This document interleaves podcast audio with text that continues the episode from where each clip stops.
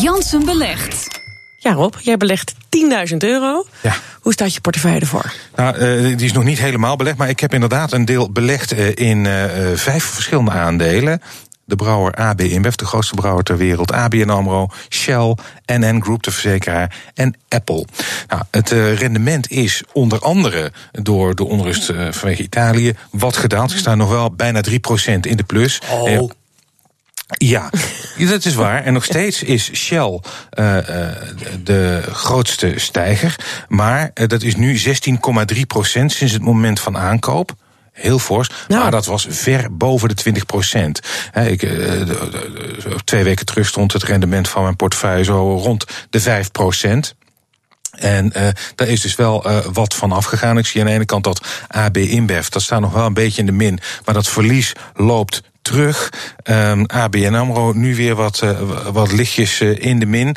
Um, het is, je hebt aan de ene kant Italië wat een beetje parten speelt. Nogmaals, we staan En de olieprijs is aan het dalen. Ik denk ja. dat dat wel een groot... Is het niet tijd om Shell te verkopen dan nu? Nog niet. Uh, op zich, en kijk, we beleggen met het idee achter Janssen belegd is verstandig beleggen op de lange termijn. Dat betekent niet dat je heel snel wisselt. Shell is natuurlijk heel erg. Uh, daar is de olieprijs heel erg bepalend voor. En het feit dat die daalt, dat heeft weer niet zoveel met bijvoorbeeld Italië te maken. Maar bijvoorbeeld met het feit dat er misschien een productieverhoging aan zit te komen in juni. Dan komt de OPEC weer bijeen. En dan wordt er ook vergaderd met uh, Rusland. Die, haakt meestal aan op de besluiten van de OPEC. Die gaat misschien verhoogd worden, die productie, omdat uh, Iran minder zal kunnen produceren vanwege de sancties. En in Venezuela ligt de productie zo goed als uh, ja, op zijn gat eigenlijk, omdat het land daar in totale chaos verkeert. Ja, het is duidelijk dat jij dus nu nauwgezet al het olienieuws in de gaten houdt ook nog. Het hè? olienieuws, Ja. het geopolitieke nieuws. Ja. Want je ziet toch dat los van bedrijfscijfers Ja. het sentiment heel erg wordt bepaald. Inderdaad, door dat soort dingen. En aan de ene kant zijn, is, is dat nadelig. Want je wil natuurlijk graag een fantastisch rendement laten zien. Aan de andere kant, kijk, stel nou dat er een wat, stel nou dat er een correctie optreedt, dat de dalingen verder voortzetten, dan kan dat natuurlijk ook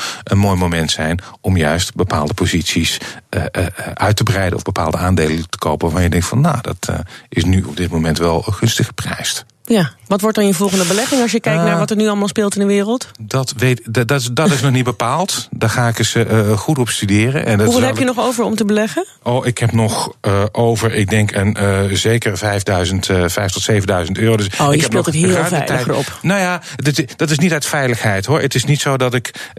Het is meer zo van eh, dat ik ga kijken naar waar ik in zal beleggen. Ik zal niet heel veel cash houden om te profiteren in de toekomst van lagere koers. Want dan loop je eigenlijk ook te veel rendement. Uh, Mogen mis. luisteraars zich ermee bemoeien of niet? Luisteraars mogen mij uh, uh, altijd mailen. Oh. Hij heel bescheiden? Twitter, Twitter Rob Jansen Beurs. En dan kan je dan kan je gal spuwen of adviezen geven. Ja, of vind ik leuk. wat- Ja, ja. Dankjewel, Rob.